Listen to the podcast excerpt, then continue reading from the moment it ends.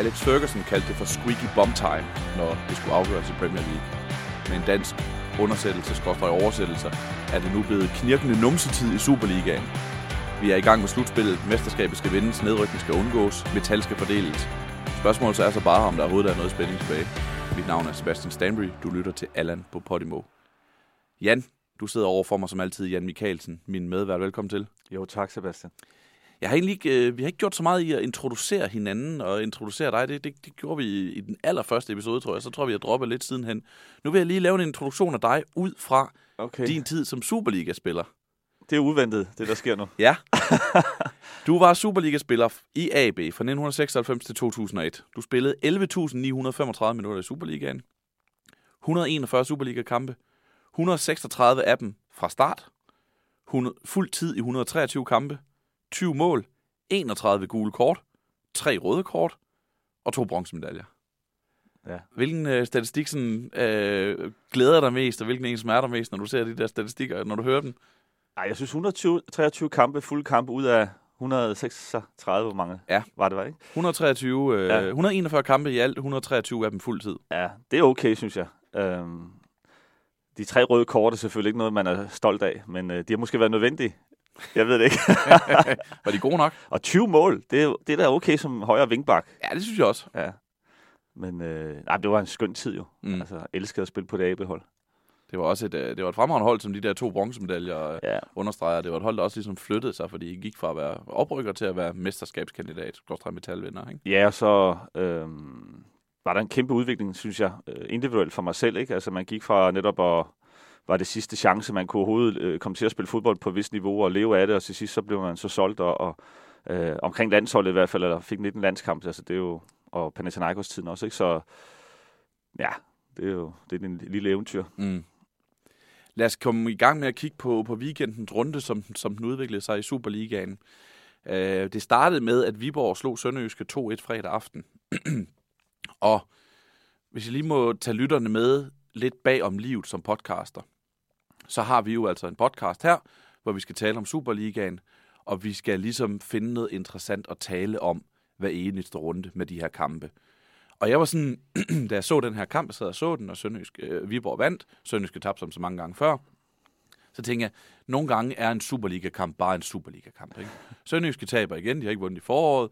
Viborg vinder sæsonens syvende sejr. Endnu en rigtig fin indsats. Det føltes sådan egentlig meget standard. Og så, så gik det op for mig, men hov Sebastian, du tager det jo bare for givet, at, at Viborg vinder sådan en kamp her mod, det oprykker, de spiller i Superligaen for første gang siden 2016-17. Øh, Sønderjysk er et etableret Superliga-hold, har været det i siden 2008 og Viborg vinder den her kamp, og du er bare sådan, nå ja, det er bare en dag på kontoret. At, så gik det op for mig, det er egentlig vanvittigt imponerende, hvor, hvor hurtigt jeg begyndte at se Viborg som en del af tapetet øh, i, i Superligaen, og sige, nå, men de, de, de spiller bare, som de altid gør. Jamen, jeg er helt enig. Altså, oprykkerne har jo manifesteret sig lynhurtigt og er blevet et øh, ja, etableret navn i Superligaen nu, og det er noget, vi regner med, at de har en stabilitet og et højt bundniveau. Og det øh, må jeg sige, både Viborg og Silkeborg har jo været klaret sig fantastisk. Altså. Ja, det er jo det. Det er ret imponerende, at, at, øh, at det, det er det dårlige oprykkerhold, som vi taler om her. Ikke? Ja. Altså det dårligste, nu kan de så vise sig at få et rigtig fint, øh, nu er de så nedrykningsspil, så det er svært at sammenligne med Silkeborg resten af, resten af foråret. Men det de viser har også bare Sønderjyskes derute, ikke? Jo. Altså, det der er virkelig gået noget galt, ikke? Med nye ejere, og nu prøver de at reparere lidt med Henrik Hansen og nyt team og nyt udtryk. Men det er, det er for sent, og jeg synes også stadigvæk, at udtrykket er for svagt. Det, øh, øh, det er nemlig ret interessant, det der, hvis vi lige skal vende Sønderjysk. Jeg var i, i, i Sydjylland i den forgangne, vi, ja, den forgangne uge, sidste uge, hvor jeg i øh, Mediano, som jeg også laver podcast for, lavede en podcast med Jonas Brønd, for som er journalist på Jyske Vestkysten, og Jens Krav Iversen fra der Nordslesviger, som ligesom tager en, tager en snak om Sønderjyske, fordi de, de to journalister følger holdet ret, øh, ret intens dernede og dækker dem på, på daglig basis. Og vi var sådan, alle var enige om, at klubben er i bedre forfatning nu end for et år siden, for det der ligesom er blevet sat den her retning øh, med, der kom en ny direktør ind, der kom en sportsdirektør, øh, øh, Esben Hansen, der kom der trænerteam Henrik Hansen, Niels Lodberg tilbage som assistent og sådan noget, så det ser ud som om, at det, det går i den rigtige retning, og de har lige fået sat et hold uden for holdet. De kommer stadigvæk til at rykke ned, men man er meget går galt. Så, så kan du ligesom se, hvad, hvad peger i den rigtige retning for Sønderjyske? Altså sådan, hvis vi kigger på måske det sportslige, hvad, hvad er der at bygge på? Ja, men det er altså altid en fordel, at sportsdirektører og ledelse og trænerteam er i synk. Altså, først og fremmest kan de arbejde sammen, har fundet en retning sammen. Og det gør jo selvfølgelig, at når de så rykker i første division, så er der større chance for, at de kan rykke op igen og øh, have en samlet plan for, hvordan løser vi den her situation, vi er kommet i. Så alt andet lige, så, øh, så har de bedre chancer, på, eller bedre kort på hånden nu, i forhold til tidligere. Men det er klart, at hvis holdet ikke har nok substans, ikke har nok kvalitet, så, så hjælper det jo ikke ret meget, at man øh, er skide gode venner uden for banen. Og, og vi siger, at vi skal derhen, men vi kommer bare ikke derhen, fordi holdet ikke er godt nok. Så øh, jeg synes stadig, der er et kæmpe stykke arbejde at, at arbejde med øhm, og, og udføre.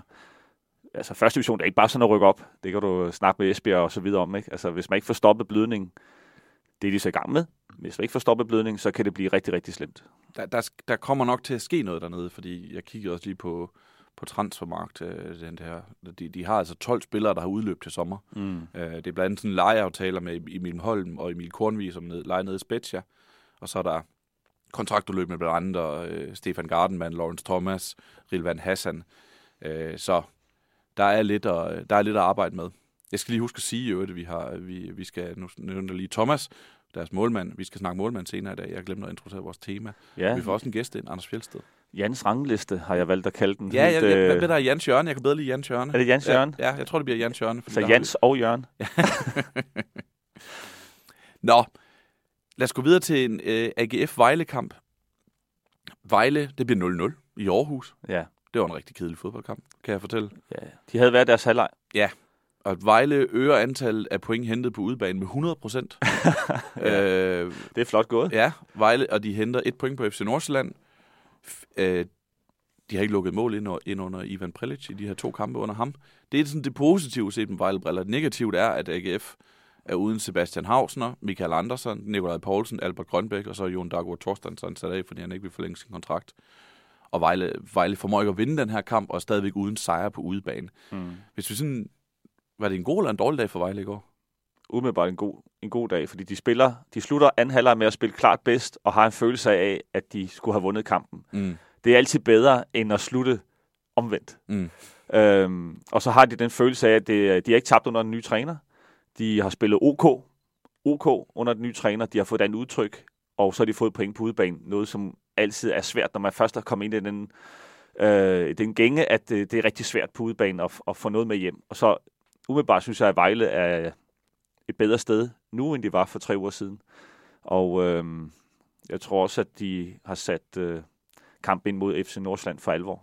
Ja, nu bliver, Og det skal vi jo forhåbentlig snakke om, den kamp, der venter øh, snarest. Altså, der bliver virkelig, virkelig tryk på, hvis de kan vinde over øh, Nordsjælland.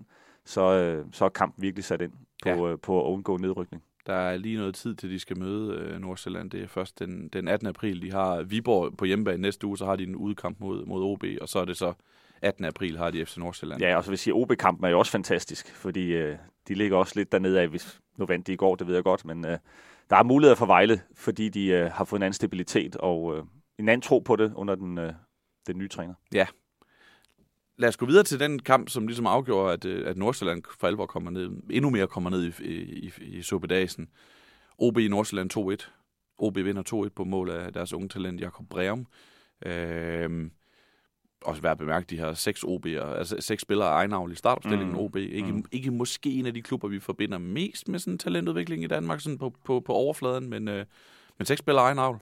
Ah, der er altså sket nogle ting. Uh, Tony Hermansen, som tidligere var i uh, FC Midtjylland og gjorde et kæmpe stykke arbejde der, uh, er jo kommet til som akademidirektør uh, og uh, har fået flyttet tingene, og jeg ved også, at de presser internt på at få flere spillere igennem, og det må man sige er måske gået lidt under radaren, men det er jo, det er jo en strategi, de er ved at indføre nu, og er trofaste med. Og uh, jeg vil sige, Breum der øh, spillede også rigtig godt i den første Mm. kamp øh, i parken, og gjorde et stort indtryk på mig, og nu to kasser i, i går, og jeg tror helt sikkert, det er den vej, OB vil gå, også for, kan man sige, rent økonomisk at, at kunne lave nogle, nogle spillere selv og sælge dem. Så øh, spændende strategi, og jeg håber, de er trofaste mod det, selvom det er øh, op og ned selvfølgelig, når det er unge spillere med resultaterne. Det var et vigtigt, vigtigt sejr, de fik i går, for at få lidt luft øh, ned til, til eksempelvis Vejle. Ja, øh, og det, det er jo sjovt, hvordan OB's narrativ omkring OB's forår har ændret sig, hvis man kan bruge det her ord narrativ. Det her med, at de, de er gode mod FC København, men taber så i parken. Det har vi senere vist sig, at alle taber mod FC København. For 2-2 mod FC Midtjylland, også en, en mesterskabskandidat, hvor Midtjylland udligner til, til aller, aller sidste OB, har der chancen for at vinde det hele. 2-2 mod Sønderjyske, fører 2-0, spiller egentlig okay, det kan gå galt.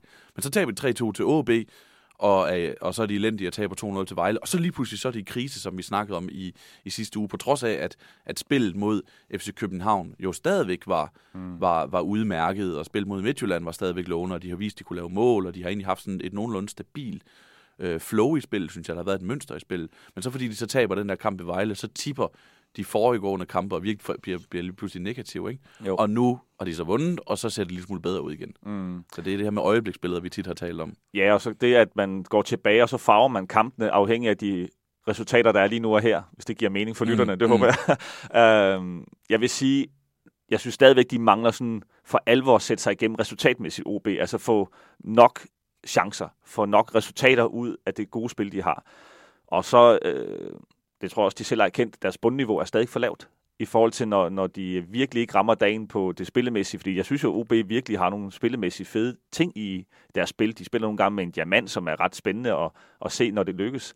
Men når det så ikke lykkes, så bliver det også lidt svagt, og det bliver øh, udtryksløst og chancefattigt. Så derfor så synes jeg, for eksempel Vejle var jo lavpunkt i forhold til, at de ikke rigtig kunne spille på en dårlig bane og så var det nogle andre ting, der skulle i spil, og det, det magtede de simpelthen ikke, som øh, Thomasen, deres anfører, sagde, så var det bare så ringe, mm. deres duelspil og så videre, ikke? og det, det er simpelthen for let at have, at man kun kan spille, hvis banen er rigtig god, og det hele det, øh, står i sol, øh, måne, og stjerner, måne og stjerner, ikke? så øh, vigtig sejr for dem i går, hvor spillet faktisk ikke rigtig kører i anden halvleg, hvor FC Nordsjælland, som vi skal nok skal tale lidt om, får sat deres spil, kommer lidt sent i gang, som de oftest gør, kommer bagud, men så begynder de at knæve sig ind i kampen. Ikke? Øhm, men det var ikke nok i går for, for FC Nordsjælland, som det ikke har været i mange kampe. Nej, lad os, lige, lad os, gå, over til, lad os gå over til Nordsjælland.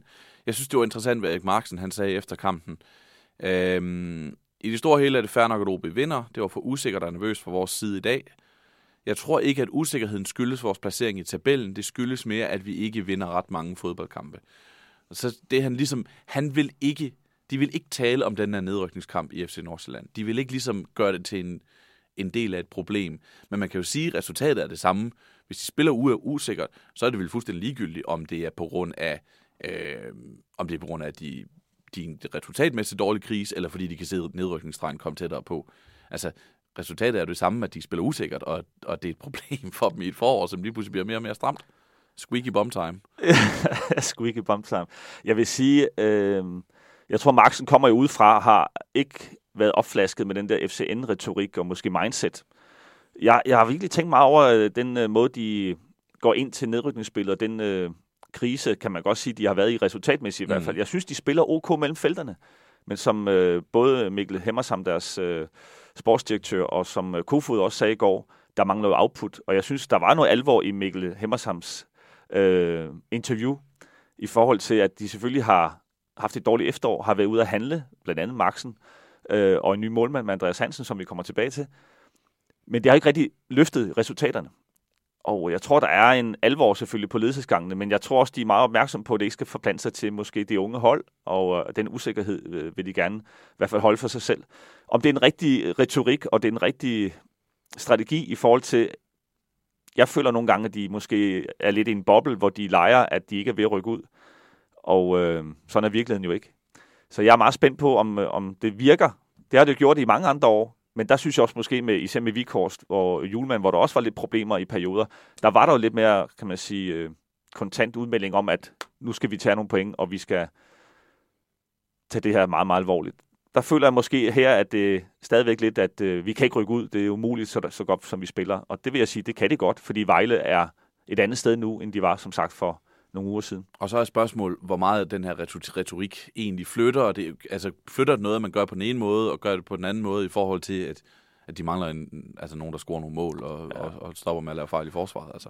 Ja, jeg er helt enig, og der skal man jo måske være inde i klubben og, og være til træningerne og så videre i forhold til at, at er der en god stemning, er der, er der tro på tingene. Marksen giver lidt udtryk på, øh, for, at der er usikkerhed. Og det er klart, det forplanter sig jo altid, når man ikke får resultaterne, man, måske også føler, at der er nogle ting i holdet, der skal rettes til. Hvorfor får vi ikke ændret de her ting, så vi bliver måske mere øh, målsøgende øh, og får lavet flere chancer, synes jeg, ud af det gode spil. Og det kæmper de sikkert med til træning, det er jeg helt sikker på. Men, men det der med, at spillerne også føler, at de flytter sig, det er altid en ubehagelig fornemmelse som spiller, at man føler, at man står i stampe. Brøndby Randers, 1-0 til Randers. Der var en interessant situation, hvor Brøndby faktisk får et straffespark, og den bliver annulleret efter var gennemsyn. Og det var jo noget, vi snakkede om, det her med var straffespark. Og du spurgte mig, er der kommet flere eller færre straffespark? Og det kunne jeg ikke rigtig svare på, hvilket var lidt pinligt, fordi vi, vi, mikrofonen kørte. Du er professoren, siger ja, det jo det. til folk. Så nu har jeg faktisk tjekket op på det. Den straffespark, eller den sæson i Superliga-historien, hvor der var flest straffespark, det var sidste sæson. Første sæson med VAR. 76 var der i 2020-21, og det var flere, fire straffespark flere end 2019-20-sæsonen, hvor der vel og mærke var flere, kamp, flere hold og flere kampe. Så det er, det er en, øge, en, en, en øgning, der er sket. Men der har kun været 25 straffespark i den her sæson. 25. Hvis man ganger det op for resten af sæsonen, så kommer der 35 straffespark, sådan cirka. Oh, det var ikke så meget, det, det, det er et markant fald, ja. øhm, som viser noget om, måske at VAR begyndt at udjævne en lille smule, så det ikke bliver dømt helt så mange af de straffespark, vi så i, i sidste sæson. Men nu sad jeg for eksempel og så OB FCK i går, mm. og der mener jeg helt klart, at FCK, Lukas Lerager, bliver snydt for et straffe. Enig. Hvor jeg ikke fatter, hvad de laver ude i VAR-rummet. Mm. Altså, det, det, det, det, det er uforklart. situation, hvor Anders Hals skal han gå i ryggen på ham. Og, Jamen, han giver jo et højre knæ lige øh, ja, i ballerne. Ja. Altså, hvis det var sket uden for feltet, var der jo 100% blevet givet frispark. Ja. Så altså, vi, vi må håbe, at VAR ikke bliver sådan, at man så begynder at, ligesom, at skønne ude i varerummet, ligesom man, dommeren måske man har en fornemmelse af, som spiller nogle gange, ah, jeg kan ikke lige tillade mig at give et straffespark til udbaneholdet nu, fordi det vil give noget ballade. Det håber jeg ikke, de har ude i varerummet også, fordi så er det jo lidt ligegyldigt. Men nu vil jeg sige en enkelt ting. Nu var jeg med mit NFC-hold i første division på Olympiastadion, og der er der en situation, hvor vi helt sikkert synes, der er øh, offside, og der savnede jeg var, kan jeg godt fortælle dig. Så den der følelse ikke have var med, i en kamp, hvor man føler sig bortdømt. Den er altså ubehagelig, man føler sig helt nøgen, ja. Og der var offside. Det mm. kunne vi jo se på tv-billederne. Men altså, der er ikke var i første division, så der var ikke noget at gøre. Dommerens øh, skøn og linjedommerens øh, beslutning, den står ved. Og så, ja, vi fik jo rødt kort ved det, så tabte vi 5-0. Tak for i dag, og så købte vi hjem igen. Så det er, jo, det er jo afgørende, ja. Men jeg tror, vi har ikke tid til den helt store var Nej, den, den tager vi en anden dag. Men, ja. men det er bestemt interessant, det der ja. med, at nogle gange så er man irriteret over det, og nogle gange mangler man det. Og nogle gange så sidder man og tænker, okay, to dommer har vurderet, at der er ikke straffespark i den her situation, hvor ja. du og jeg begge to synes, det er tydeligt. Ja. Øh, som sagt, Randers vinder 1-0. Jeg tror begge to, vi, vi, vi talte om i for en uge siden, at vi regnes med, at, øh, at Randers måske endte med at gå en lille smule på en tidlig sommerferie. Ikke? Og så første kamp i, i slutspil, så vinder det 1-0 på Brøndby Stadion. Ja, som de ikke har gjort i mange, mange år. Ja. ja. ja flot resultat. Øhm, Brøndby havde svært ved at sætte spillet i går, spiller for langsomt. Uh, virker også lidt som om Brøndby mm, mangler en, øh, en kreatør nu. Altså, der skal ske noget mere offensivt. Um, så svær periode lige nu øh, for dem. Altså, de Jamen, skal det, i gang igen. Det, det, det er også interessant, fordi jeg tror, mange af os kiggede på Brøndbys hold og konstaterede, det ligner ikke et mesterhold, men de får resultaterne som mesterhold i den her lange periode, hvor de vandt og vandt og vandt. Og vi sad og kiggede på, så sælger de uger, de sælger Frandrup. Jamen, nu dykker de, øh, fordi de har ikke hold til det. Bliver ved med at vinde. Og så er vi sådan, jamen, så er det jo en del af mesterskabskampen. Men det viste sig måske, at vi, vi havde ret i første omgang, fordi nu ser man et andet hold, der ikke har helt de profiler, der er nok til at gøre sig gældende helt øverst op. Er det, er det, er det en forkert sådan, øh, bagspejlsanalyse? Nej, jeg er enig, og, og jeg synes også, at Niels Frederiksen har jo været sådan meget afdæmpet omkring netop den der guldsnak og hele det der eufori, der har været med deres fantastiske og jeg tror, det var, var det ni kampe, mm. de, de i hvert fald ikke tabte. De vandt. Og de vandt ni, og jeg tror ikke tabte de 10, men altså, der, de, øh, de har været meget ned på jorden med det, i hvert fald trænerteamet, og måske også været lidt overrasket over, at holdet kunne performe så godt, med, med som sagt, med uden uger, som stod for rigtig mange mål. Ikke? Øhm, det er nok blevet mere hverdag derude på Vestegnen. Øh, jeg synes stadigvæk, de har et, et rigtig godt hold, men de har ikke et, et mesterskabshold. Nej, det har de ikke, og det har de blandt andet ikke, fordi FC København vinder og vinder og vinder og vinder. Øhm, jeg, jeg ved ikke med dig, men jeg synes, at AB, AB's hjemmekampe mod både FC København og mod Brøndby er nogle af de fedeste kampe i Superligaen. Fordi der er sådan her, der er den her selvfølelse i Aalborg, at man er, man er en storby, ikke? Så når, nu skal de fandme have københavnerne, når de kommer Brøndby og FC København. Jeg synes altid, det giver en fed atmosfære, og i går var jo faktisk også, det var ikke en altså sådan spillemæssigt bedste kamp, men det var en ret fed kamp, synes jeg, ret intenst. Ikke? Og AB kom og kommer med et go- god, øh, godt udgangspunkt, har spillet rigtig godt under, under Lars Friis, deres nye træner. Der er mange tilskuere på stadion, de har vundet deres kampe. øh, spiller klart bedst i første halvleg, og så vinder FC København alligevel. Ja, det var sådan lidt, øh, et stort hold kommer på udebane, og så får de rettet op på tingene. Jeg vil så sige, i første halvleg vil jeg også sige, der synes jeg, at jeg ser et FCK-hold, som lavede ekstremt mange personlige fejl, fordi OB kommer med et fedt udtryk. De spiller jo stort set mand-mand. Altså, øh, de tør at spille. De spiller som et kæmpe hold, ikke? De, de, de spiller som et stort hold, og det kan jeg virkelig godt lide ved OB og, øh, og Lars Friese, som jeg også roste sidste gang. Jeg kan godt lide den tilgang til tingene. Men jeg vil også sige, jeg vil rose Jes Torp, øh, først og fremmest for det, det, han laver i pausen, for rokeret, for skiftet lidt, og for ændret hele udtrykket. Og så vil jeg sige hans interview efter kampen, hvor han faktisk, synes jeg, øh, får sagt, at de er slet, slet ikke tilfredse nu med det spil. Noget af det, som vi har været ude på, øh, eller ude at snakke om, Sebastian, at ja, de har fået resultaterne, men dybest set synes vi ikke, at Jes er lykkes med 100% at integrere den nye spillestil. Det med at være dominerende, være underholdende, øh, være så god på bolden. Det var han jo så klar på i går, at de er slet ikke tilfredse med det. Og det synes jeg var dejligt befriende. Det er også nemmere, når man har vundet seks kampe, at komme og være kritisk over for holdet. Det kan jeg også bare huske, øh, både min tid som spiller og som træner. Det er altid nemmere som spiller at få kritik, når man har vundet. Og det er også der, man skal gøre det, ikke? Altså, det, det er der, hvor man ligesom kan, kan, kan udnytte med medvind og sige, jamen vi skal gøre det endnu bedre. Ikke? Lige nøjagtigt, og fordi spillerne har noget teflon. Når man har vundet, så, så, så er man alligevel beskyttet mm. af de tre point. Samtidig med, at man selvfølgelig godt ved, at vi har ikke spillet op til vores yderste potentiale. Og der synes jeg bare, at Jes var meget øh, skarp i går. Øhm, noget af det, han er også blevet kritiseret for, med, måske med rette i efteråret, men han var lidt øh, øh, utydelig i sine interviews. I går, der synes jeg, at han var super skarp på, at de skal blive bedre, de skal blive dygtigere til, til noget af det, som han gerne vil øh, implementere. Men altså, når jeg ser OB i går, ikke, så synes jeg stadigvæk, så mange chancer har de ikke i åbent spil. Nej. Til gengæld har Rooney jo to-tre friløber, hvor man ser hans begrænsning med hans højre ben. Han skal virkelig hjem og træne med sit højre ben. Fordi de får nogle omstillinger, fordi de spiller simpelthen så åbent OB. Men også modigt. Og det giver jo bare en fed kamp, at øh, de tør at byde FCK op til dans. Det, det er interessant, hvis vi kalder FC København for et kommende mesterhold, og det, det tror jeg godt, vi tør gøre her. Kommer lidt an på i aften. Ja, det er rigtigt. Der er en, en kamp mellem Midtjylland og Silkeborg, der bliver, der bliver spillet, efter vi optager. Men FC Københavns resultater i foråret. 2-0, 2-0, 3-0, 1-0, 1-0, 1-0 i Superligaen. Så vi har at gøre med et fuldstændig suverænt tophold, men ikke et skræmmende tophold. Hvis, kan, kan du følge min, min, min, min sondren der, ikke? Det er ikke sådan, at man kigger på det her FC København-hold, og så tænker man, nu bliver vi hakket med 5-1. Men man kigger på det her hold og siger, at det bliver godt nok svært at slå, og det bliver godt nok svært at forhindre dem i at vinde. Ja, det er fuldstændig enig i din analyse. Det er, jo, det er jo ikke sådan, man... Øh, jeg synes faktisk, det er mest øh, skræmmende uden bold. Mm.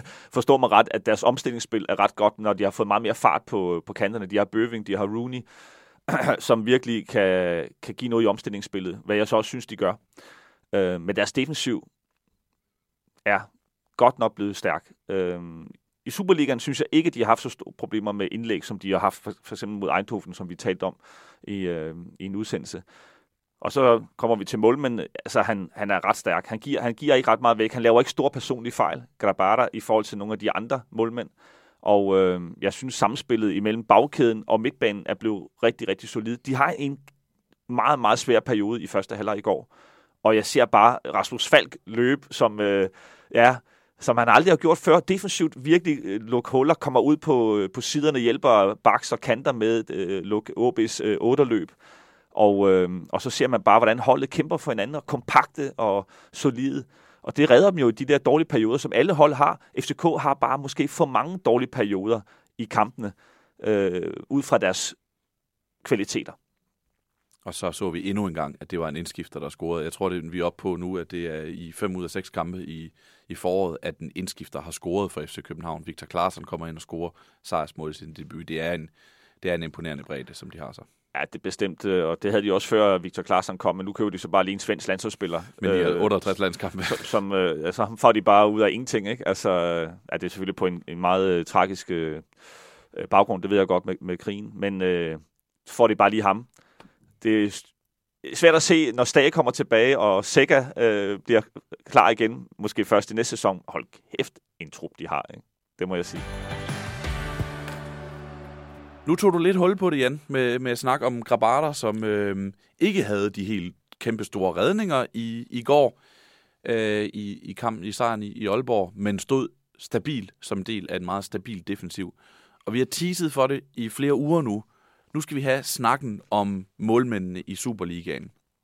Øhm, jeg synes jo, øh, man kunne, øh, vi har snakket meget om de her fejl, der har været, og målmands drop og så videre, og at man kunne begynde at oprise, hvad der har været i foråret allerede. Men det behøver vi jo ikke engang, for vi kan bare kigge på den her runde, hvor Andreas Hansen ikke ser alt for godt ud i OB's 1-0-scoring, øh, i, øh, i OB FC Nordsjælland, og Jakob Rinde, som vandt det gyldne bur som Superligaens bedste keeper, er uheldigt impliceret i Victor Claessens sejrsmål for FC København. Så der var jo fejl i går alene, og det, var, det er lidt det, som vi har talt om. Det er spillet ude i feltet. Det er begge, begge to situationer, hvor de sådan fejlbedømmer og kommer ud og får blokeret ordentligt. Det er ikke at tabe bolden inde på stregen, som jeg har set Jesper Hansen Og mangler mod. Ja, øh, det, er, det, det er sådan en fejl i det der sådan indlægsspil, spil ude i feltet og sådan noget. Hvad, hvad synes vi sådan generelt om, om målmandsniveauet i Superligaen i, i sæsonen 2021-2022? Jeg synes ikke, det er så godt. Nej. Og specielt øh, den del af spillet, som jeg synes, at man, man må sige, at en målmand har større øh, chancer for at lykkes med end, øh, end en øh, markspiller. Altså spillet ude i, i boksen, hvor han må bruge sine hænder, og han må springe, og han kan komme op i to meter, to og en halv meter øh, højde. Det synes jeg virkelig er mangelfuldt for de fleste keeper. Men altså, øh, apropos Jans Hjørne, så har jeg jo faktisk lavet en rangliste. Ja, lad os lige gemme den lidt. Skal vi gemme den lidt? Ja, lad os lige Ja, okay, den lidt, det jeg vil godt lige tale om det her med, med, med, med spil, der, der er mangelfuldt der og Ja. sådan noget. Og det, hvad, hvorfor tror vi, det er? Altså, jeg, jeg, jeg var oppe i, øh, jeg var oppe i Farum til sæsonpremieren, og øh, hvor de, hvor de spillede 0-0 med Randers. Nu skal jeg lige tænke mig om det. Det vil være lang tid siden. Øh, men de, de, deres sæson, det var ikke det sæsonpremiere. Det er lige meget. Jeg var deroppe tidligere på foråret, hvor, øh, hvor Flemming Pedersen blev spurgt ind til, til, øh, til de nye spillere, og så sagde han om Andreas Hansen, deres målmand, øh, han er faldet rigtig godt til. Han skal blive endnu bedre til at spille bolden hurtigt ud fra forsvaret. Øhm, og det tænkte jeg sådan, tænkte, jeg tænkte ikke over det i situationen, men jeg tænker over det bagefter, det her med, det er sjovt, at det er det, der han har fokus på. Mm. Ikke? At han bliver spurgt til, ny målmand, eller til ny, de nye spillers præstationer, når han kommer til målmanden. Det første, han gør, det er at snakke om spillet med fødderne, i stedet for at sige, hvordan står han egentlig med hænder, og hvordan redder han boldene. Mm. Og det er jo udtryk for en tendens, tænker jeg, det her med, hvor meget fokus der er med, med spil på fødderne i, øh, i Superligaen. Og, Mm. og, og i, måske i sporten generelt, for ja. keeperne. Jamen, det er rigtigt, men spillet har også flyttet sig. Mm. Øhm, der er ikke så stor fokus på, eller så stor usikkerhed omkring, at indlæg kommer fra yderste zone. Nu skal jeg lige forklare. Der er jo øh, der er det, man kalder halvrum, og så er det, man kalder sådan, øh, siderum. Altså halvrum er lidt tættere på det, lige omkring øh, 16 meter feltet, straksfeltet. Og så det yderste rum er, er selvfølgelig det bredeste rum. Og det, Ude ved sidelinjen. Ja, helt ude ved sidelinjen, Den klassiske fløjspillerindlæg. Ja, lige nøjagtigt. Og jeg vil sige, øh, der er jo nok kommet en tendens til, at man, øh, der bliver scoret mange flere mål fra halvrums, øh, altså med cutbacks og med øh, spille spil flade indlæg til, til første stang. Og det er klart, at de flade indlæg er jo blevet meget, meget større strategi af den offensiv, øh, ja, off- offensiv strategi og, øh, og komme til, til målchancer og scoringer på den måde. Så derfor har, har målmandsspillet jo også ændret sig i forhold til, hvad man måske skal, øh, skal kunne have færdigheder. Samtidig med det er der jo kommet en regelændring selvfølgelig, at man øh, ikke må tage bolden op hele tiden, som man så i 1992. Øh, Michael tog bolden op hele tiden. Den går altså ikke mere. Derfor så kan man sige, skal man jo være meget dygtigere med fødderne. Og jeg vil sige, at FC Nordsjælland og Silkeborg er måske de mest ekstreme tilfælde i dansk fodbold, Superliga-fodbold, på målmænd, som er skræddersyet til den måde, man spiller på. Mm. Og det gør selvfølgelig, øh, medmindre man kan få fat i, Van der Sar, som øh, både var god med fødderne og dygtig med hænderne og var 1,97 meter. Så, øh, så er man nødt til at acceptere, at vores målmand er rigtig dygtig til noget af det, vi bruger rigtig meget i vores spillestil, men der er også nogle ting, som vi må give køb på. Og der synes jeg, Andreas Hansen er meget godt øh, bud på. Generelt FC Nordslands målmand igennem tiderne har jo aldrig været nogen øh, fantastiske øh, målmænd til at være ude i feltet. Til gengæld har de fleste af dem været sindssygt reaktionsstærke, hurtige, dygtige en mod en og dygtige med fødderne. Mm. Så kan man sige, jeg synes jo, det giver meget god mening, at øh, det, som man gerne vil bruge rigtig meget i sin spillestil, også er de færdigheder, man køber hos de forskellige positioner, der skal besættes. Men modstanderen har jo også lidt at sige. Det vil så sige, hvis jeg møder FC Nordsjælland som modstander, så vil jeg jo sørge for, at der kommer rigtig mange indlæg, hvis jeg ellers havde, hvis jeg nu er Randers, hvis jeg nu er FC København, som spiller med store angriber, så skal vi jo have masser af indlæg ind, og det er de jo blevet bombarderet med i mange kampe, og har tabt kampe på det, fordi der er ikke nogen, der kommer ud og tager de bolde. Så det bider så lidt i halen i forhold til, at der er også nogle modstandere, som analyserer svagheder og styrker hos, modsta- øh, hos den modstander, man skal møde. Ikke? Jo, spørgsmålet er, om det kan betyde, at vi ser, altså kommer en modreaktion på det her med de mange cutback-afleveringer, og så har målmanden måske ikke været så gode til at være ude i feltet, og så begynder vi at se flere og flere indlæg igen. Det, det, det, det er en mulighed, at det kan ske, ikke?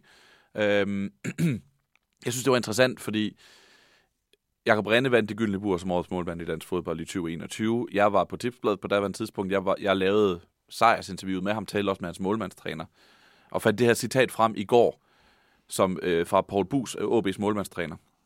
Ofte er han rigtig godt placeret. Han er jo ikke en type, der bevæger sig ud på missioner, hvor der ligger en forsvar og to angriber og ømmer sig, når han har fået fat i bolden. Han finder et rum at arbejde i, og så bevæger han sig ud i det rum på forkant. forkant. Han ved præcis, hvor muligheden for at gribe ind er. Der siger han jo også det her med, han er ikke sådan en smeichel-type, der bare kommer bullerne. Øhm, det, der så var interessant, det var, at det lykkedes jo ikke for ham i går. Jeg havde fundet det her citat frem og skrevet det i manus, og så ser vi, det her, det fejler han i, og det koster OB et, et point i, i kampen mod FC København. Mm. Så selv Superligans bedste målmand, som faktisk har det som sin styrke, og, og ikke at smadre målmand eller smadre modstander, men stadigvæk ligge det rigtige sted, kan altså fejle i det her. Mm. Jamen så, på, på vores øh, kommende snak med ranglisten, så sad jeg hjemme og forbandede Rene langt væk, fordi jeg havde faktisk havde ham ret højt op på min liste, fordi han netop, synes jeg, har en, en stor stabilitet, og er en rigtig dygtig all-round målmand, synes jeg faktisk. Og så laver han den der i går, hvor jeg bare tænker, ej for deler, hvordan får jeg kringlet den i morgen, og det skal jeg så forsøge at gøre lige om lidt. men men øh, han laver en kæmpe fejl i går, han bliver faktisk udfordret på det en gang før, hvor det ikke koster. Mm. Hvor jeg tænker, hvorfor bokser du med en hånd? Altså, jeg synes, han skal jo, han skal jo tage den. Han skal jo beholde bolden i de situationer. Jeg synes, han mangler lidt mod i den situation, og han mangler øh, også en lille smule springkraft og timing i, i den situation. Men, men for mig at se, så ser det ud som om, han er lidt nervøs øh, rent fysisk i den situation, fordi øh, der er mange omkring ham. Hvis vi, hvis, vi, øh, hvis vi ser bort fra det her med spillet øh, med fødderne og sådan noget, som mange tidligere tiders målmand ikke kunne i Superligaen, fordi det simpelthen ikke var noget, der var fokus på. Hvad er det så for nogle bumletog, vi mangler? Hvem, er det, hvem var gode til det her, som du ligesom husker det? Er der nogen, der ligesom træder frem og siger, okay, ham her, han ejede simpelthen sit felt fra, fra, fra stregen nærmest ud til 16 meteren? Åh, oh, det er et godt spørgsmål. Altså, hvis vi går helt tilbage, så ved jeg ikke, om det tæller, fordi vi kun er Superliga. Altså, Peter Schmeichel, som mm. jeg selv har været så heldig at, at spille sammen med nogle landskampe. Altså, der vidste du bare, hvis den kom med lidt for meget sne på, så røg han altså bare ud og tog den, og så var han i gang med allerede med et angreb. Det var det, der så var fedt ved, ved Schmeichel. Det var jo, han, han tog jo bolden, og i samme aktion, så satte han en omstilling i gang og kunne kaste. ja, han kastede jo sindssygt langt, mm. ikke 50 meter. Og det, og det ser jeg ikke så tit mere. Altså, jeg, jeg ser ikke det der med, at der er en, der kommer ud og, øh, og tager kæmpe chancer. Så jeg synes, og det, det har faktisk ikke, ikke, og det kommer tilbage til på min rangliste, det har ikke altid noget at gøre med størrelse. Det har altså noget at gøre med mod. Øhm, og jeg savner måske lidt mere mod til at gå ud på de der eventyr for at hjælpe sit hold. Og specielt de indlæg, der kommer med, med lidt luft på, og som netop er slået fra, fra, fra siderummet. Det, det kan man godt læse. Og jeg synes, det der med at læse spillet er blevet lidt dårligere hos målmændene. Jeg synes også, man ser det ved, når holdene, som de gør meget i dag, står højt op på banen, op i presspil, de er oppe i erobringsspil, og afgiver måske egen banehalvdel i forhold til et, øh, et rum, der kan bruges. Og når de bolde kommer, for eksempel den bliver spillet i bagrum, så synes jeg, jeg ser rigtig tit målmænd, der kommer for sent ud, eller ikke kommer ud og tager de der bagrumsbolde. Så det der med at læse spillet, læse næste træk hos modstanderen, som en markspiller jo skal gøre, det synes jeg, målmænden har mistet en lille smule af, det der med at kunne læse spillet og spille med selv. Øh, så godt være, at de er blevet dygtige til en offensiv del med fødderne og, og kunne sætte spillet, men jeg synes, det er en defensiv del at læse spillet der. Det er blevet forringet en lille smule med den brede pensel. Det er vildt interessant og bestemt noget, man kan holde øje med i, i resten af foråret og for så vidt også i næste sæson. Men nu går vi ind i Jans hjørne, ja. og så tager vi en top 12 over Superligaens bedste keeper. Ja, og jeg står klar til spanking ja. efter, fordi den er selvfølgelig meget... Med en øh, våd målmandshandske. med en svedig målmandstrøje. Lige. Ja, så jeg har Grabara som nummer et. Mm. Og det har jeg, øh, fordi jeg synes ikke, han har lavet øh, nogen graverende fejl. Jeg synes, han har fået en, en stabilitet. Jeg synes tidligere, han var for vild og havde for travlt med at bevise, hvor dygtig han var i efteråret. Øh, men jeg synes, han er blevet meget dygtigere til at øh, træffe de rigtige beslutninger. Jeg synes stadigvæk, jeg savner ham lidt mere ud i feltet, men han har ikke lavet fejl på det. Øhm, og han er også godt hjulpet at han har Vavro og øh, for det meste Bøjlesen til at hjælpe. Øh, især Vavro er stærk i luften. Ja, han trænger at tage noget af de der luftslag, som han ikke måske selv tager så meget. Ja. Lad mig lige sige, øh, Grabata var jo i fokus i går, fordi han så Der havde været den her sag tidligere på sæsonen, hvor han havde sparket en bold ud med OB's fans. Det havde de sjovt nok ikke glemt i Aalborg. Mm. Og han hoverede ud mod OB's fans, og det gav noget palaver efter kampen. Jakob Renne øh, skændtes med ham. Rasmus Falk var ude at sige, det synes han, man skulle holde sig for god til, hans egen holdkammerat. Mm. Øhm, hvor, hvor, hvor, har det nogen betydning for din bedømmelse for målmand, det her med, at han, han bliver involveret i mange ting? Vi har også set ham tweete om Nikolaj Poulsen og sådan noget. Ja. Nej, ikke, ikke i forhold til det sportslige. Nej. Altså, det, det, jeg mener, han er for vild, det er, jeg synes i efteråret især, der, der var, altså, han havde brug for at gå ud og manifestere sig selv, at han var øh, virkelig number one i FCK, og han var det her stjerneindkøb, som, øh, som kunne leve op til forventningerne. Det synes jeg, han, han, han gjorde for meget, øh, og tog for mange dumme beslutninger. Der synes jeg, han er et andet sted nu. Når jeg ser ham i forhold til øh, hans ageren sådan med fansen og så videre, det tror jeg ikke hjælper hans spil. På den anden side, så må man også have respekt for, at han er måske en type, der godt kan lide, at der er noget attention på ham, og han ligesom godt kan øh, lide at føle noget pres, at der er nogle forventninger til ham, øh, for at øh, han så finder det ypperste frem. Der er vi jo meget forskellige indbygget, hvordan man øh, tænder, og hvordan man lader op til kampene. Men øh, ja, generelt skal man holde sig for god til det. Det er jeg enig med Rasmus Falk. Lad os gå lidt videre længere ned ad listen, fordi det kan godt komme til at, at tage tid, det her. Ja. Uh, lad os prøve at løbe uh, to-tre, anden, tredjepladsen igennem. Ja, men altså, altså uh, Mads Hermansen er for mig en lille målmand, mm. der spiller som en stor målmand. Og det var bare mit argument for, at det har ikke altid noget med højden at gøre. Det er med modet, som du taler Det er en modig målmand. Ja. Han har en god timing. Han, har en, øh, han læser faktisk spillet godt, øh, Mads, normalt. Så vil jeg også sige, jeg har også øh, bragt en lille smule potentiale ind i min liste. Jeg synes, Mads har kæmpe potentiale til at blive øh, A-landsholdsmålmand på sigt. Øhm, dygtig med fødderne. Jeg synes, han er coming man. Det må jeg sige. Jeg synes virkelig, han er spændende. Har lavet nogle fejl, specielt i efteråret, hvor han dummede sig lidt i nogle e- europæiske kampe. Men i Superligaen har han faktisk leveret på højt niveau. Og der er heller ikke nogen, der snakker om Thomas Mikkelsen i Brøndby, han skal stå. Øh, Mads blev kastet for løverne, da der var en ændring af strategi. Og jeg, faktisk, jeg synes faktisk, han er bedre i luften, end, øh, end Svebe var. Ja, og det, det er ret interessant, fordi øh, han er nemlig sådan en, man siger, okay, han bliver solgt til udlandet, han, han, bliver, han er måske allerede kandidat til at være VM-keeper, altså reserve ja. øh, til, til næste år, og han er jo, kommer lidt ud af ingenting. Det er ikke en, vi har talt om i fire år sagt, når Mads Hermansen kommer, så har Brøndby en klasse keeper. Vel? Det kom sådan lidt ud af ingenting, men nu er han bare etableret sig lynhurtigt. Det er også en, det er også en præstation. Jeg er helt enig, der, og han er, står jo fast på 21 også, mm. øh, så han har en, øh, en lysende fremtid foran sig, og øh, jeg synes, Mads er en fortjent nummer to. Nummer tre, det er Rene, og der, jeg, jeg sad derhjemme som sagt og forbandet, at han lavede den skide fejl, fordi det gør selvfølgelig en tredjeplads øh, med den der fejl i mængde, det, den er måske til diskussion, men jeg vil stadig sige, at han, øh, han har virkelig mange kvaliteter og har et højt niveau, ja. øh, og mm, synes jeg også, som du selv var inde på med det gyldne bur, beviser øh, over øh, flere sæsoner. Ja. Øh, du har Olofsson fra FC Midtjylland som nummer 4. Han er jo så blevet skadet. Ja. Øh, det synes stadig, det er relevant at tage ham med på listen, fordi han er ligesom førstevalg i FC Midtjylland. Er, er det et stort problem for FC Midtjylland, at øh, David Osted skal stå i stedet for? Vi har jo ikke, vi har ikke rigtig nået at se ham endnu. Ja, altså jeg, igen skal man være lidt tættere på, hvordan har David set ud til træningerne. Er det sådan, man øh, holdkammererne tænker, ah, okay, det er ikke en stor forskel, eller er det sådan, man sidder, ej shit, nu, nu skal David stå, som, øh, som jeg har i hvert fald oplevet både den ene og den anden situation, øh, da jeg selv spillede. Øh, han, må, han må bevise, øh, han er jo en erf- øh, erfaren gut, øh, god højde, måske ikke så stærk med fødderne, det er Olofsson jo heller ikke, som vi også har diskuteret. Øh, så jeg ved ikke, hvor meget kvalitet de mister. Øh, de får i hvert fald en erfaren gut, som, øh, som øh, bliver vigtig for dem her i deres jagt på, på guldet. Jeg tror ikke, vi har, vi har tid til at tale om, om alle keeperne. Øhm, hvis vi lige tager de næste, de næste 3-4 stykker. Nikolaj Larsen har du på femtepladsen fra Silkeborg. Ja. Karlgren Randers som nummer 6. Jesper Hansen 7 i AGF. Lukas Lund 8 i, øhm, i Viborg. Er der nogen, du, du vil fremhæve sige på om her? Ja, jeg vil godt øh, fremhæve lidt, eller fremhæve, øh, hvad hedder Nikolaj Larsen, er måske ikke sådan generelt en nummer 5 målmand.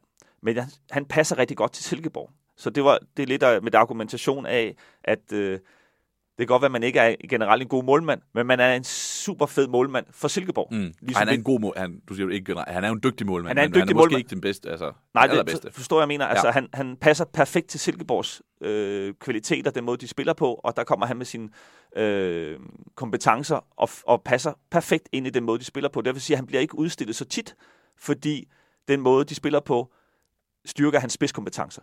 Så derfor kommer han til at se rigtig godt ud, måske i forhold til, at han skulle stå på et hold, øh, som spiller på en anden måde. Og der vil jeg sige, der er måske et lille mismatch imellem Jesper Hansen fra AGF, som er sindssygt dygtig med fødderne, og, og kom jo fra FC Nordsjælland. Men den måde, AGF spiller på, får måske ikke udnyttet 100% den måde, Jesper er bedst på. Så det er bare for at give et eksempel på, hvor en målmand måske er scoutet og, og købt perfekt til en spillestil, og så er der en, en målmand med, med Jesper Hansen, som måske ikke får udnyttet alle sine spidskompetencer i AGF. Så er der bund 4 i Superligaen. Der har du som på 9. pladsen Andreas Hansen fra FC Nordsjælland, som vi har talt relativt meget om. Brunst, som vi også har talt om, mest på grund af hans navn, i Vejles på 10. pladsen. Bernard OB øh, på 11. pladsen, og så Lawrence Thomas på, på 12. pladsen i Sønderjyske. Hvad, hvad, ja. Er der noget, hvad knytte på på en af dem? Ja, og det er selvfølgelig det, der gør mest ondt, og øh, jeg skal prøve at, at argumentere for det. Så Brunst, det er faktisk lidt det med at læse spillet. Han har øh, i flere omgange udvist en, øh, en manglende øh, kløgt i forhold til, hvornår skal jeg ud af mit mål og dække det bagrum, og der er han blevet taget et par gange, samtidig med, at jeg synes også, at han er lidt for vild og virker lidt uafklaret i forhold til hans indgreb i feltet. Så øh, det, det er min grund til, at han ligger i, øh, i den nederste halvdel. Og så synes jeg, at han mangler simpelthen redninger, synes jeg, øh, og mangler også lidt rækkevidde. Han er heller ikke verdens største målmand, og øh, der, der synes jeg, han, øh, han mangler noget kvalitet i, øh, i den del af spillet, simpelthen at kunne tage nok øh, skud og afslutninger. Og så, øh, ja, men altså, Lawrence Thomas der, altså det er, øh, han virker simpelthen generelt øh, ramt af manglende selvtillid og virker sårbar, og det gælder i rigtig mange af spillets facetter, og, øh, og har også for få redninger, synes jeg. Og han er også sådan lidt en spinkel øh, målmand, som, som heller ikke fylder ret meget derinde.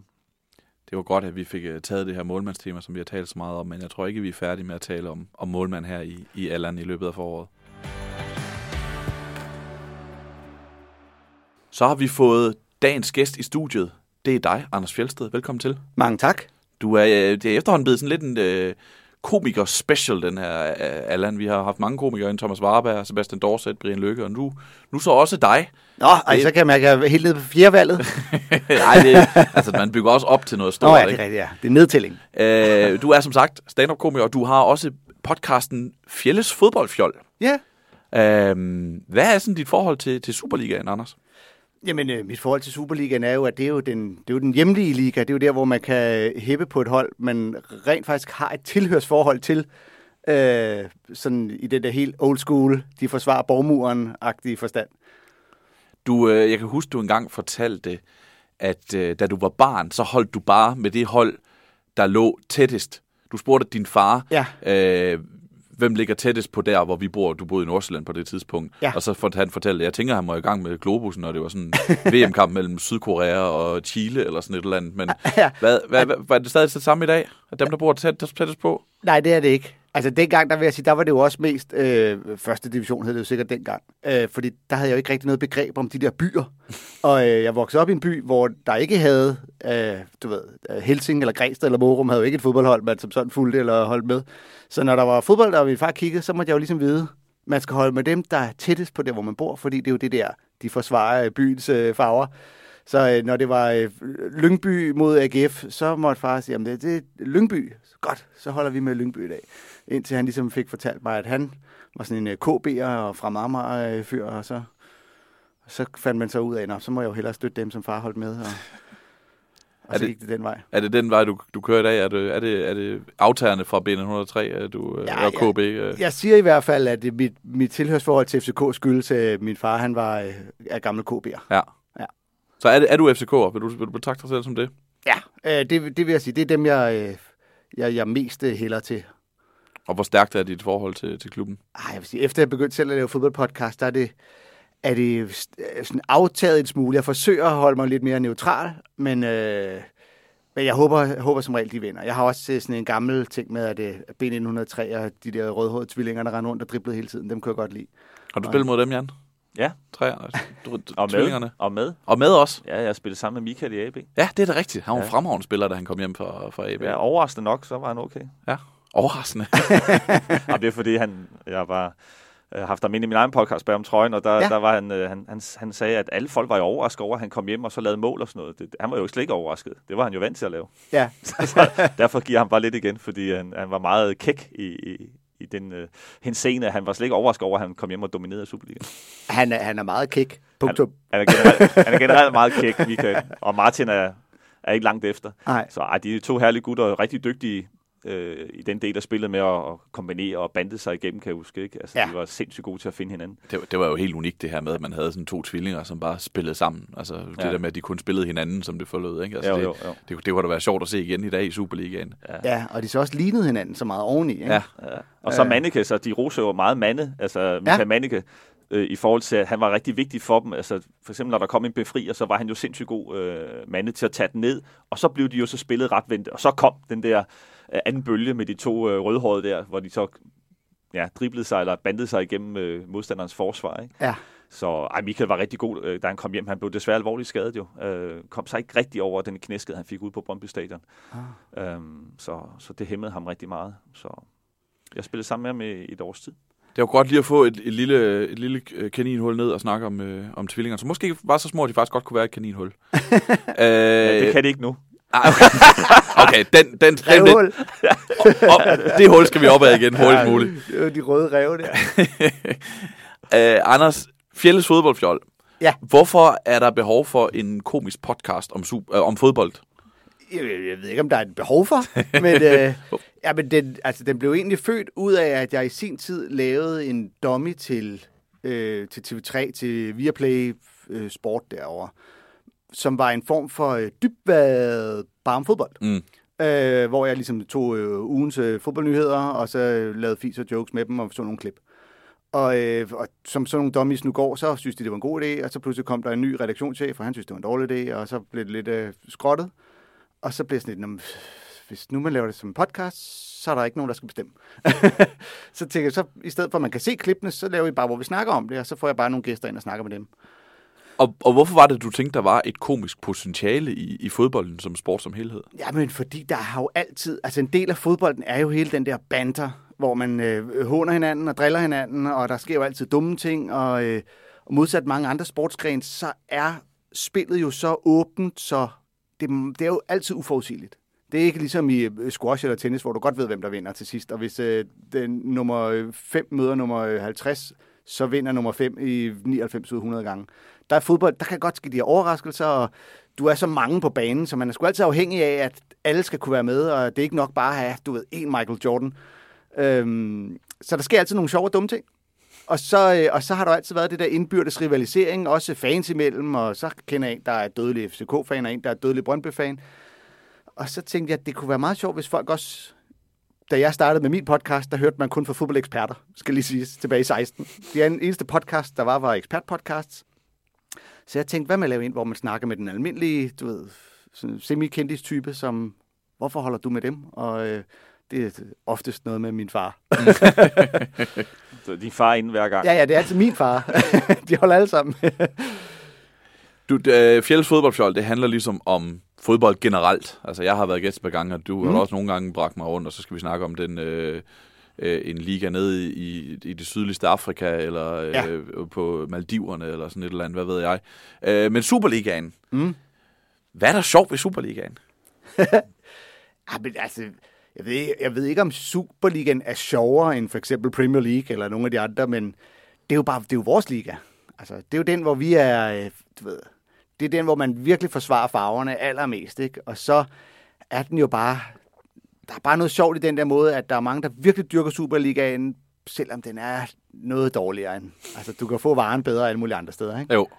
Så det er der, det bliver tydeligst, at, at man også er fan, fordi man netop har det her tilhørsforhold og holder med nogen. Så, øh, så, så det er jo noget af det, der gør den sjov, at man kan virkelig trykke folk øh, lidt på maven i forhold til, hvis deres hold de dummer sig. Og det er der mange, hvis hold gør i Superligaen. Hvad siger du, Jan? Husker vi sådan, og har vi det sjovt nok med, med fodbolden og Superligaen? Husker vi at, at grine og smile nok? Jamen, øh, det er faktisk et rigtig godt spørgsmål, fordi da jeg hørte, at Anders øh, skulle være vores gæst i dag, så, og, og temaet var lidt, øh, altså, hvor er det sjove henne nogle gange i fodbold, og så tænkte jeg faktisk på, hvor, hvor tit har jeg rendt rundt og grint under en kamp. Altså, og det kan måske tælles på fem, øh, eller på en hånd, ikke? Øh, Fem fingre. Øhm, det, det savner vi måske lidt, fordi vi er i hvert fald dem, der er aktører. Vi er så alvorligt, og vi er så dybt inde i den der øh, præstationsboble og fokus, at vi måske glemmer lidt nogle gange at nyde det, og i hvert fald at grine. det, øh, jeg ved ikke, om der er masser af grin af under en kamp, men altså sådan generelt i forhold til fodbold, er der jo masser af sjove episoder og sjove øh, øh, ja, sammenstød. som, øh, Ja, som, præcis. som øger den der tilhørsforhold, og man kan få lov til at argumentere for, at jeg kommer fra den og den klub, og du er det der dig og, eller os og dem, ikke? Jo, jo, præcis. Øh, Øh, der, er det er jo tit det udenom banen, der er det Ja. ja. sjove, ikke? Om det så er Stig Tøfting, der laver et eller andet skørt, eller Ja. ja. Viborg, der signer en dude, der ikke kan spille fodbold. Ja, eller, ja. Altså, så sker Ja. ja. der jo bare øh, ting, som man kan joke med eller Altså sjov i med. forhold til da jeg selv spillede, synes jeg, så er der sket noget med klubberne imellem. Altså hele det der social media, hvor Mm. man, uh, Randers AGF er måske et af de bedste eksempler, uh, hvor det bliver sådan lidt uh, kærligt uh, drilleri. Jeg ved ikke, om det er kærligt, men det, det, det håber jeg, det, Lige det de håber jeg trods alt, det ligger et eller andet sted. Uh, hvor, der- hvor der bliver lavet lidt jokes på hinanden, og man, man uh, driller lidt hinanden uh, på den måde. Og, og man har også brug for hinanden. Altså et, en Superliga, uh, hvor Brøndby for eksempel rykker ud, som der var uh, tegn på på et tidspunkt, vil jo også være forfærdeligt for FCK. Ja. På en eller anden måde. Altså, de har jo brug for hinanden, og vi har Ja. brug for den der rivalisering. Ja, det vil nok være fedt for dem sådan lige de første 14 dage efter. Ja, men jeg tror, jeg tror ikke, de vil savne de der fire udsolgte kampe Ja, ja. øhm, på bundlinjen. Så øh, Ja vi har jo brug for hinanden, og vi har brug for en Superliga, som lever og ånder øh, frit og med drillerier, men selvfølgelig også med respekt. Jo, jo, og når, du, når man laver øh, sjov og komik, så handler det jo oftest om at øh, have nogle referencer, som alle kan fange. Ikke? Øh, du ved, for hvis man skal lave en joke, så gælder det om at referere til noget, som alle... Og det er jo klart, folk, der går op i fodbold, de kender Superligaen rigtig godt, og så bliver referencerne hurtigt, du ved. Hvis det er noget med FC Nordsjælland, så er det noget med, at de ikke er så gamle. Og hvis det er noget med Horsen, så er det noget med, at de laver lange indkast. Og hvis det er noget med AGF, så er det noget med, at det altid går af helvede til, til sidst. Og, og det er referencer, alle kan forstå, som gør det lidt lettere at joke og lave fis med. Jeg kan huske for, for mange, mange år siden, øh, der var der et... Øh, Sebastian Dorset, vores tidligere gæst, var, var på besøg og lavede stand-up i Vejle. Jeg var nede og se ham. Jeg er jo fra Vejle. Og, øh, og så sagde han, netop sådan sagde han, øh, Vejle, de har så ungt et hold. De, øh, de, har, de har virkelig grædet den. De har så ungt et hold, at de ikke kan begå et frispark imod sig. De er alle sammen under den kriminelle lavalder. og det, den tog virkelig kejler ikke mm. i, i salen, netop fordi, som du siger, det var noget, alle kunne forstå, og det var, det var en reference, som, som folk kunne forholde sig til. Ikke? Og, og viste øvrigt også, at han var godt inde i fodbolden, og vidste, hvor, hvor ungt et hold Vejle havde. Ja. Ja, ja, det er jo sådan en joke, man så ville lave med Nordsjælland i dag. Ja, præcis, præcis. Eller noget med, de ikke har nogen tilskuere. Eller... Ja, så var der en, der, så var der, en, der buede, så sagde han, Nå, du er ikke på holdet, kan jeg høre, fordi din, øh, din stemme er gået i overgang. øhm, hvem er de, sådan, de sjoveste spillere i Superligaen? Har du noget bud? Hvem, hvem, hvem, er, hvem er sjovere i fat i Superligaen? Nogle Ja, komiske det- spillere? Ja, nej, ja, det er jo... øh, Det er jo svært at sige, fordi så, altså, der er jo det der skis, skisme mellem, hvem der laver er sjov ubevidst, og hvem, fordi jeg kan ikke lige komme på nogen, der som sådan er øh, morsomme. Nej, altså, altså Victor bevidst. Fischer var jo sådan en, der godt kunne være lidt skæg, og øh, komme med nogle spydige kommentarer, og, og bidro lidt, ikke? Og, øh, men lige nu kan jeg sådan ikke lige komme på en, der som sådan er, er ham, man håber bliver interviewet efter kampen. Øh, for det er sjovt, når Jan siger det der med, at man griner jo aldrig på banen. øh, og fordi der er det hele jo simpelthen så dødsens alvorligt, og man er jo nærmest øh, sur fra start. Fordi der er den der...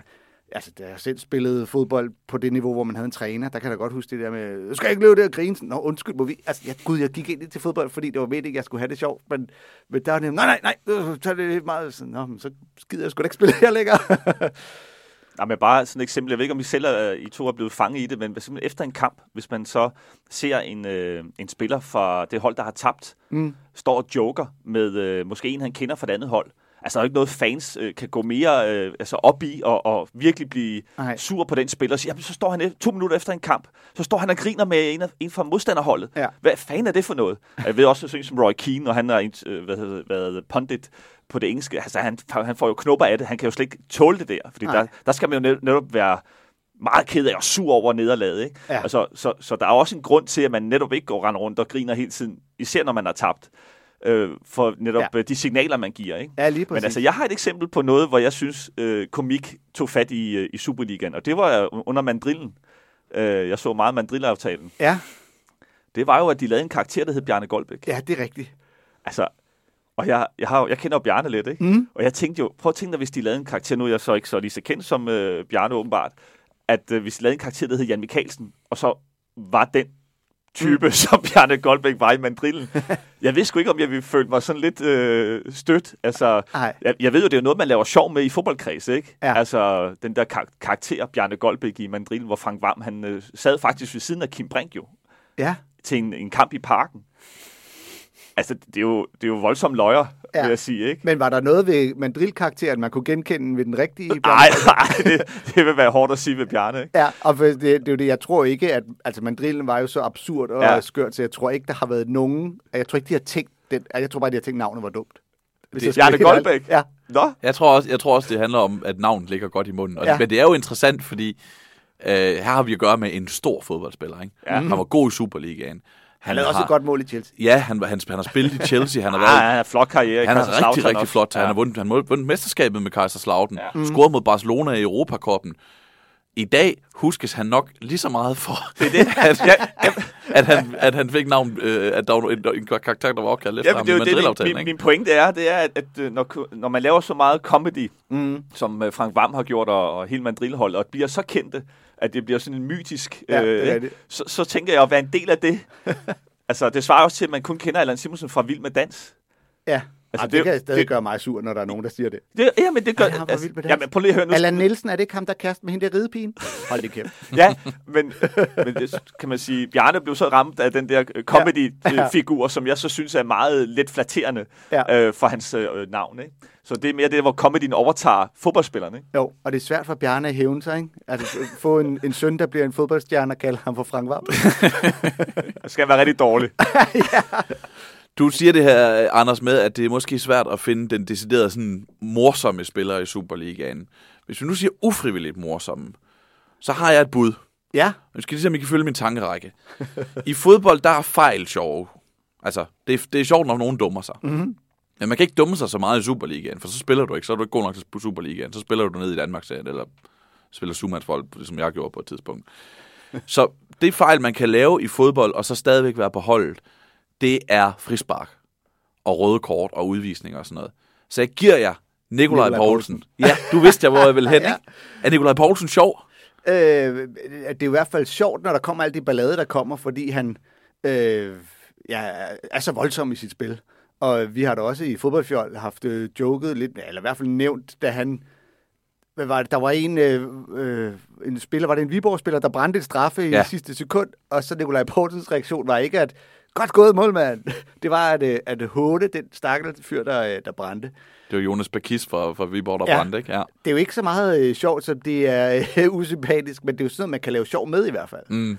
Øh, fordi ellers vil jeg også nok tro, det sjoveste er jo nok typisk nogen, man vil finde uden for banen. Om det så er øh, Steinlein eller øh, øh, øh, chefen for AGF, eller du ved, nogle af de der trænertyper, der kan sige nogle dumme ting og blive interviewet. Og... Jeg tænker også, Ståle kunne have været... Altså, Ja. han, havde alligevel nogle ting, hvor han begyndte at lave armbøjninger nede på øh, Bernabeu, ikke? Jo, jo. i hvert fald ikke. Det er sådan meget usædvanligt, og man, Og- at man ser en træner, der står og begynder at lave armbøjninger. Ja. Øh, Specielt når man er så tynd, som Ståle er. ja, og man så oven i købet har det der hurdy-burdy-sprog. jeg, jeg har et bud, Ja. og vi har faktisk rost ham meget i dag. Mm. Jeg synes, Grabara har potentiale. Mm. Fordi han laver nogle skøre ting. Altså, Ja. nu, altså nu i går øh, skal han lige pludselig til at håne øh, øh, fansene igen. Velvidende, at han har en historik med dem, da han så sparker en bold ud efter dem. Men der er jo et net imellem. Så Ja. jeg, jeg tænker, at ikke, han har ramt dem anyway. Men jeg synes, Grabara har noget potentiale. Altså bare et input Ja. øhm, til, til dit videre arbejde. ja, jamen, det er, der er også, de der målmænd har også ry for generelt at være tilpas øh, galningagtige. Ja. Øh, Jeg har da i hvert fald selv minder om, at jeg morede mig meget over, da Arik Onysko i sin tid udtalte, at han kunne godt tænke sig at komme til udlandet. Og sådan, det, det, det er du jo. Du er godt på vej. Du er jo i udlandet. ja. Han havde nogle sjove udtalelser generelt, vil Ja, sige. det, det tror jeg ja. også er et øh, kaninhul, vi ikke skal dykke for meget ned i, øh, i, i det herrens år 2022. Det, det tror jeg ikke, øh, vi, vi holder os til. Så har der været nogle, nogle, der har været nogle sjove episoder, du nævner selv fra Hagen, som, mm. øh, som, som en sjov episode i Superligaen. Så har der været Oscar Gate, vil jeg sige, da, Ja. da man pludselig finder ud af, at Brøndbys øh, hovedaktionær sidder og skriver inde på et debatforum op under sin, øh, sin søns profil og sviner sportschef og, øh, og trænere til, Som han selv er ansat. som han selv har ansat, øh, været med til at ansætte, ikke? Og, og, og det havde så nogle meget alvorlige sports, eller sådan, øh, øh, altså voldsomme sportslige konsekvenser, at Thomas Frank, han forlod klubben blandt andet, og sådan noget, ikke? Hvad kunne vi også bruge ham til? Ja, men, men, men det var da også ret sjovt, var det ikke det? Jo, jo, jo, det er jo vildt skægt. Fordi det er jo altid sjovt, når der er nogen, der bliver taget i sådan noget. Ikke? Ja. Øh, så, så den slags, det kan man, øh, det kan man altid øh, lave spas og løjer med. Øh, og det mindes jeg da også, vi gjorde. Det er jo stadigvæk en gældende reference i det, Ja. er det ikke det? Når Oscar, Man, ja. ja. og når man ser nogen, der skriver noget til pas åndssvagt på sådan en forum, så sidder man og spekulerer på, hvilken fodboldchef det må, kan være, der gemmer Det kan sig. være, er i gang nu. Nu tabte de i går. Ja. Nej. Øh, ja, det, det synes jeg nemlig. Der, der, og der tror jeg, at min pointe er, at vi skal huske, som du er god til i Fjellets fodboldfjold, at når net, når netop sådan noget sker, at vi skal selvfølgelig kigge på de sportslige konsekvenser af det, og tage det alvorligt og sådan noget, men vi må også godt have det sjovt med, at der Gud hjælp mig har siddet en hovedaktionær for Brøndby IF, og absolut ikke kunne styre sig og måtte skrive om ja. Thomas Franks taktiske evner, og om de svenskere, de havde Ja, købt, og og nordmænd, de har købt og sådan noget. Og det, hvad, hvad er det ham, øh, øh, Guldglenn, der har haft nogle dumme reklamer på sit tøj, eller på sit øh, hat, øh, for... Og han havde det der slik. Blandt selv Han havde noget slik, der blandt Det slik. var fandme også billigt. Altså, det var sådan noget 3,95 per, per 100 gram. Er tøjet? Ja. Nå, men det, og truppen. Og, øh, men, det, er, men det er også bare sådan nogle ting, som jo netop... Men det ser man i Superliga, det ser man ikke i Premier League. Altså, der er meget sjovt Premier men der ser du sgu ikke en træner, der lige står og reklamerer for, For blandt selv nede på for- kasketten. nede fra Fakta, nede under Ja. Ej, grænsen. Ej, det er rigtigt nok. Eller når AGF-træneren bliver fyret på en resteplads på vej hjem, eller hvad fanden der sker. Altså, ja, det er rigtigt. Ja, der var historien om dengang, hvor... Hvordan var det, det var, at det var Aarhus Stifttidende, der havde været inde, og så... Jeg, jeg ser for mig, at de, øh, de sidder inde i en bås, inde på et toilet, ikke? Jo, på sådan en resteplads. Og så kommer daværende direktør Frank Hesk her ind og begynder at stå og snakke, mens han står over ved pissoiret om, at øh, om øh, den nye træner, der skulle ind, og, øh, Ja. før Paul Hansen var fyret, var det ikke sådan, det var? Så kom Søren Åkeby ind og sådan noget. Ja, Det var, det var ret ikonisk. ja, det er i hvert fald... Øh, det, det er muligt at lave jokes om det slags. Fodbold er følelser, og derfor vil der altid være mulighed for masser af jokes, ikke? fordi folk de mister simpelthen øh, kasketten i mange situationer. Ikke? Jo, jo, helt enig. Og det er, også, altså, det er jo det, jeg lidt prøver at slå et slag for, at det er jo fint nok at støtte sit hold og være fan, men de der, der netop ikke kan tage det sjove, fordi at, øh, du ved, øh, sejr og nederlag er øh, liv og død for dem. Og så ah, skal skal sgu også kunne grine af det, altså. Det, det, det, du kan ikke være mere sur over, at du har tabt, end at, øh, altså, at vi også skal kunne se det sjove i det. Det er svært som spiller og leder, kan jeg så fortælle dig, fordi det er jo arbejdspladser. Ikke? Men, Jo, jo, hvis man lige går ud fra hvis- den cirkel, så, så er det klart, så skal man have mere distance til det, for ellers så bliver det hårdt liv. Ikke? Ja, ja, og det er jo selvfølgelig anderledes for dem, hvis løn er involveret i det her.